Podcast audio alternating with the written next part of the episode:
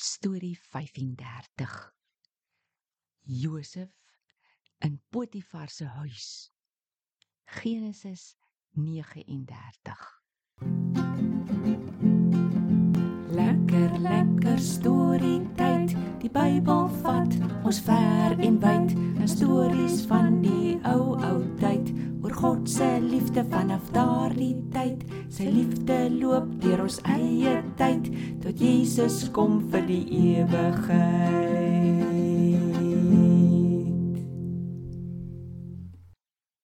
Hallo Tobias en hallo alle maats.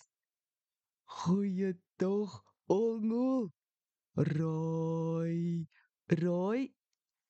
Raai? Wat moet ons nou raai Tobias? O, ons moet raai. Ons vandag se storie ons gaan laat lag en ons ons gaan huil. Lag ons huil. Doen ons raai nou. Liewe Tobias. Maak nie saak wat jy raai nie. Jy gaan verkeerd raai, want ons gaan nie huil of lag nie. Ons gaan huil en lag. Och, fantasties. Dat ek is nie lus vir net huil nie. Dit maak my moeg. Maar Tobias, kan jy raai waaroor gaan ons storie vandag? Hmm. Dit moet oor Josef gaan tannie Karen. Ons het nog laas gehoor sy broers het hom verkoop. Nou donder ons sodat dit dan hom gedord. Jy is reg. Kom ons gaan aan met Josef se storie. Die Ismaeliete het vir Josef vasgebind en saamgevat na Egipte. Daar was 'n man wat vir die koning gewerk het, Potifar.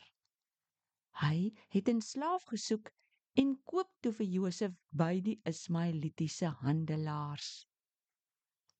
Dat das 'n slaaf nou eintlik tannie Slawe was mense wat verkoop is om vir ander mense te werk. 'n Slaaf kon niks self besluit of ooit weggaan nie. Hy moes presies doen wat sy eienaar sê. Hy was sommer net 'n ding vir die eienaar, soos 'n besem of 'n koffiebeker. Hoi, tannie. Klink my dis die deel daar ons wil huil. Josef het nog lekker by sy taal gelei en mooi klere gedra. En nou das hy in 'n vreemde huis vasgevang. Ja, dis een van die huildele van ons storie. Maar ons het mos gesê ons gaan lag ook. Die Bybel vertel vir ons dat die Here by Josef was. Dit het sommer goed gegaan met hom al was hy 'n slaaf. Alles wat Josef gedoen het, het hy reg gedoen omdat die Here hom met alles gehelp het. Potifar het dit raak gesien en het sommer baie van hom begin hou. Hy het hom sy eie slaaf gemaak wat hoof was oor sy hele huis. Josef was 'n leierslaaf wat na alles en almal moes kyk. Toe gebeur nog 'n wonderlike ding. Die Here het Potifar se huis en tot sy diere ook begin seën. O Potifar was so gelukkig. Hy het niks meer in sy huis gedoen of gereël nie. Josef het alles gereël. Potifar het nog net omgegee oor sy kos. Wonderlik. Die Here het vir Josef gesorg. Julle? Maar nou kom ons weer by 'n huildeel. Potifar se vrou het ook gesien dit gaan so goed met Josef en dat hy mooi en sterk is. Sy roep hom toe eendag en vra hy moet by haar in haar kamer kom kuier. Josef het dadelik gesê: "O nee nee mevrou Potifar, dit kan ek nie doen nie. Ek sal sondig teen God. Dit is so dat ek vir alles sorg in hierdie huis, maar u is meneer se vrou. Hy sorg vir u, nie ek nie." Maar mevrou Potifar het elke dag vir hom gevra en hy het elke dag nee gesê. Op 'n dag is hy die enigste slaaf wat binne die huis werk. Die ander werk almal buite. Mevrou Potifar gryp hom aan sy klere en vra weer hy moet by haar in haar kamer kom kuier. Josef besef toe hier kom vandag moeilikheid en hy begin hardloop buitentoe. Maar mevrou Potifar klou toe nog aan sy klere vas. Met die dat hy begin hardloop, hardloop hy skoon uit sy boonste klere waaraan sy vashou.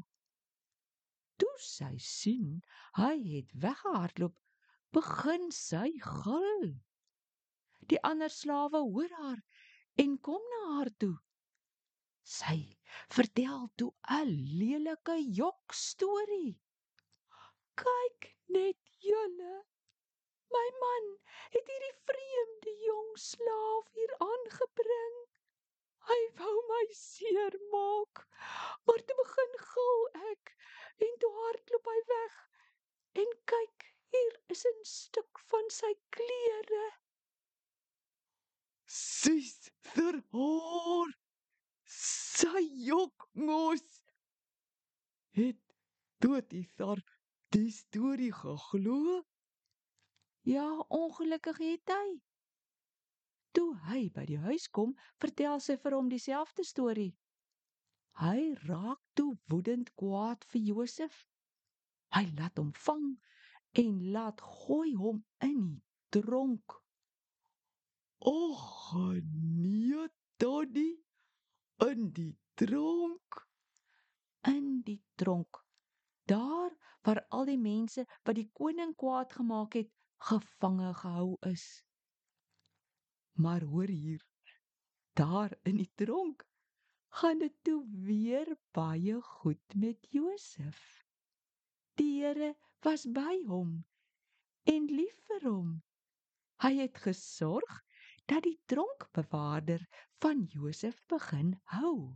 Daar in die tronk het Josef weer 'n leier geword. Die tronkbewaarder het gevra Josef moes na al die ander gevangenes kyk en na alles wat hulle moes doen. Die tronkbewaarder het niks meer gedoen nie. Elke plan wat Josef gemaak het, het goed en mooi uitgewerk. Toddy. Dis fantasties wonderlik. En dit is omdat die Here hom gehelp het. Dit is net omdat die Here hom gehelp het. O, ek wil lag en lag. Josef se God is so groot. Ons God is so goed. Ons sê mos heeltyd vir mekaar dat God 'n groot plan het. Josef het God liefgehad en daarom kon God hom gebruik in sy plan. Ngots, ngai ngootjie het nog nooit hierdie storie gehoor nie. Daddy, kan ek maar groet om gou na hom toe te hardloop? Gaan gerus Tobias. Almal moet die storie hoor van Josef se God wat so goed is. Maats, gaan vertel julle ook gou vir iemand. Ek en Tobias groet julle. Tot volgende keer. Totsiens.